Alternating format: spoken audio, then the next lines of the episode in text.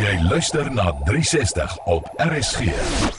En ons sluit aan by Dawie Botha, ons siviele ingenieur, en hy was vir onder andere 19 jaar die uitvoerende direkteur van die SA Instituut van Siviele Ingenieurswese. As ingenieur is hy tans mede-voorsitter van ProSet en dis 'n onderafdeling van die Nasionale Wetenskap en Tegnologie Forum en 'n gelukkige nuwe jaar kan ek vir jou sê Dawie, want ons het nou nog nie op lig met jou gesels nie. 'n Nuwe jaar van hoe die land gebou is. Baie dankie Martelies en uh, ek het daarom vir jou ook al so geëpos, maar vir jou ook 'n goeie jaar en vir RSG en al die mense. Jy skryf dit so mooi, spore oor die velde. Gee vir ons asseblief die res van hierdie mooi storie. Ja, die titel van die praatjie vanmiddag is 'n vry vertaling van Boon Boonsaier se boek Treks Across the Veld. En dit in 2008 verskyn en dis werklik 'n juweel van 'n boek, so vol inligting en dit lees soos 'n storieboek. Mens kan hom nie neersit nie. Nou ek het onlangs probeer om kontak te maak met die skrywer, maar toe ek ontdek hy is oorlede hier, ek dink in 2012 erns. Maar sy dogter Elrie het my toe vertel dat hy vir 'n lang tyd op Saterdag met Johan Rademan op die reisprogram gepraat het, want hy was op daardie stadium die eienaar van die Bosvelder trein. Kan ons nou sien wat 'n klein wêreld, né? Ek het ook met sy vrou Lana gesels en sy toestemming gegee dat ek van die inligting in die boek mag gebruik. So ek sê maar so op op hierdie platform ook baie dankie Lana. Later gaan ons meer praat oor die boek en sy inhoud. Uh want as ek ons plannetjies nou reg uitwerk, wil ek so graag graag 'n kort reeks gesels oor die spoorweë in Suid-Afrika en so is ons land gebou. Nou ek het dit al van tevore gesê, my ek het 'n spoorwegbeurs gehad en ek was vir 'n klompie jare spoorwegagenieur, so dit lê vir my baie na in die hart. Die Suid-Afrikaanse spoorwegstelsels was werklik een van die groot uh trotse van ons land om dit so te stel. As mense 'n kaart byvoorbeeld kon vat en jy kyk na die spoorlyn in Suid-Afrika, dit is 'n spinnerok, spinnerrak van die grootste stad tot baie van die kleinste dorpies bereik. En dit was inderdaad die slagaar van ons land en die meeste van ons ouer mense onthou hoe vervoer van vrag en mense hoofsaaklik per spoor plaasgevind het. Nou ek onthou ook byvoorbeeld die melktrein die so genoem omdat dit kort kort gestop het by elke ou stasietjie en haltetjie om melk in kanne op te tel en dan is die melk nou natuurlik nou daar die verwerkingsfabrieke vervoer. Pos en pakkies is ook in sakke op afgelaai by die stasies en daar was selfs 'n trein met die naam die Rhodesian Mail.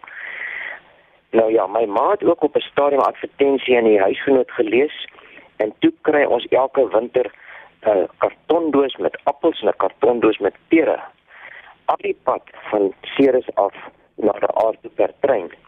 En daardie appels was in perspapiertjies toegedraai en die pere in wit. Daai papiertjies is baie welkom en is natuurlik in die klein huisie gebruik. Nou ja. En my oupa oukom was passer en draaier by die aard lokomotiefdepot en hy het gesorg vir die waterpompe van die aard tot in Rhodesia wat water in die lokomotiewe voorsien het. Dit is interessant hoe die hele ding aan mekaar skakel en hoe dit uh, werklik die die are van Suid-Afrika was om dit so te stel. En vir my ma se broers die ou kamp se destyds as universiteitstydens universiteitsvakansies kelners uh, op die treine gewees om te help betaal hulle klasgeld en een van daardie ooms Pieter Oukamp het by Universiteit Kaapstad gestudeer en meganiese ingenieur geword.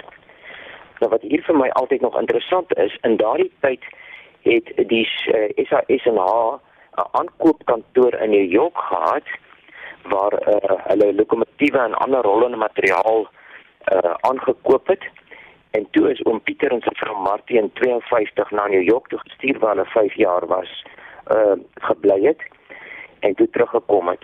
En so was my ma op die personeelplek vir 150 werkers by die lokomotiefdepot. So mense kon byna sê ons familie het steenkool in die gene en dit is iets wat my nog altyd na in die hart lê en so lekker om 'n lokomotief te sien verbykom. Uh dis dan meest, meestal natuurlik maar uh diesel of of elektries. Dit van die dinge wat miskien nie so vir ons algemene publiek bekend is nie. Wat is die onderdele van 'n spoorlyn en wat is die rol van elkeen van hierdie hierdie onderdele? Gewoonlik sien ons mos nou maar net die staalstaal van die dwarsleggers of soos baie mense sê die die sleepers dan sien ons soms darm die gebreekte klipgrys onder die dwarsleggers en daaronder die sogenaamde formasie of mense wil amper sê die die spoorpad heel onder. Nou kom ons begin bietjie onder. Uh die terrein het ons altyd opgemeet en daarvoor het 'n teodoliet en 'n verleer instrument gebruik. Nou die eerste een was om kaarte te kan teken en die tweede een om hoogte en hoogteverskille te bepaal. Dan vandag sien ons nog natuurlik hierdie opmeters, maar dit wonderlike nuwe elektroniese hulpmiddels.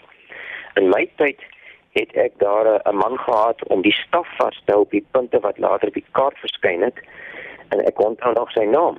Nou nou praat ek daarom so 50 jaar gelede en langer. Sy naam was Macintosh en ek en hy het baie opmetings saam gedoen. En hy het presies geweet wat om te doen en want ek kon ook met handgebare met hom praat want hy was mos so ver van my af. Nou die horisontale belyning van 'n spoorlyn word natuurlik bepaal deur jou omgewing. Waar wil jy heen gaan en of daar 'n dam of 'n berg of iets in die pad is. Maar baie belangrik uh, is natuurlik die feit dat 'n 'n trein nie 'n stuurwiel het soos 'n motorvoertuig nie en jy kan nie sy wiele draai nie. Die spoorlyn is uiteindelik die gids vir die trein. So die die die die trein die lokomotief volg die spoor. Uh jy kan hom nie bestuur om dit so te stel nie. Ons het natuurlik gepraat van treindrywers daardie tyd. En nou dit het beteken dat hierdie draaie eers 'n oorgangsboog moes hê en dan kon jy 'n sirkelboog volg. Alles volgens beperkings wat deur die lokomotief se ontwerp gedikteer is en en die waans natuurlik agter aan die trein. Nou hoe langer die lokomotief was en daar was baie van jou grootes ons sal nog praat oor hulle. Uh hoe groter moes hierdie boog wees want hy kan nie om 'n om 'n klein draaitjie gaan nie.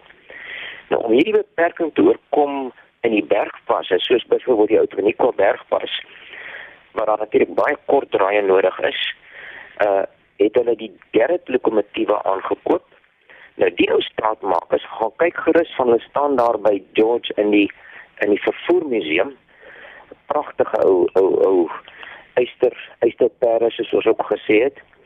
Nou die steenkool tender of die wa en dan die lokomotief was die een deel en dan die lokomotief self in die middel.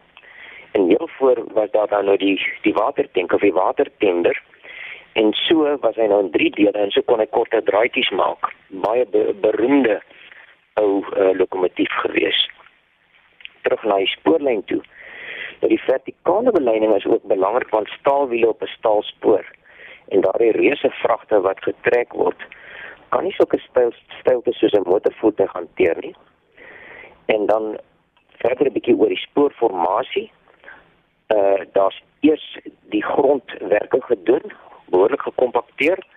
Dan kom daar 'n laag ballas. Nou ons dis die gebreekte klip wat ons sien en dit is waar op die dwarsleers dan gesit word. Nou die ballaslaag sorg daarvoor dat die laste van die trein eweredig versprei. Die dwarsleers word stewig ondersteun en keer ook dat hulle horisontaal beweeg onder die kragte as die trein daaroor beweeg. En daardie gebreekte klip is nie sommer net enige klip gewees nie. Dit moet byvoorbeeld nie maklik verweer nie.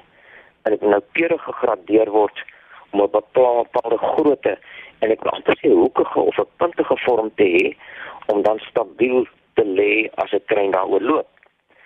Nou om hierdie vertikale belyning en ook die horisontale belyning mooi reg te kry en reg te hou, is die belas vroeër jare met 'n span arbeiders met spesiale pikke onder die dwarsleers ingewerk. Nou hierdie pikke het so 'n stomppunt vooraan gehad, amper soos 'n hamertjie.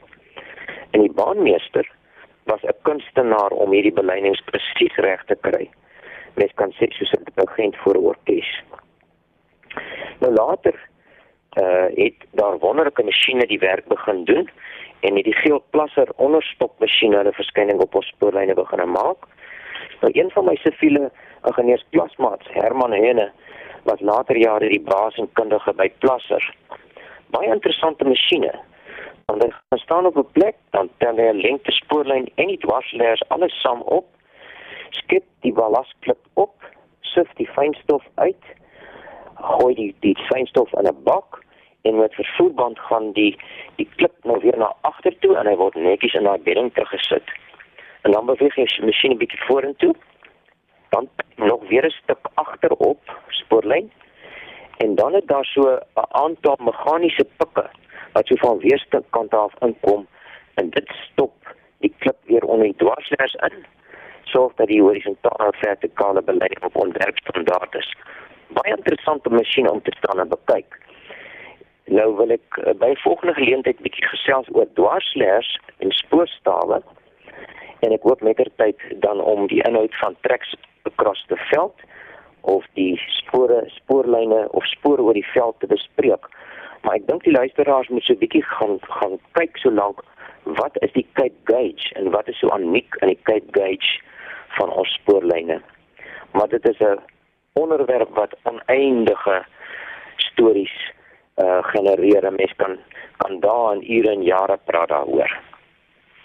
En ons sê vir jou dankie dat jy die stories vir ons vir dae en jare en ure bied ook Dawie. Dit is 'n SMS wat ook deurgekom het. Iemand sê hierso ek het Boon Bonzaier as treinbestuurder seker met hom gewerk en gehelp om die boek se fotos 'n baie pragtige pragtige mens sê Martin Thompson van Crosby. Dankie vir daai SMS Martin.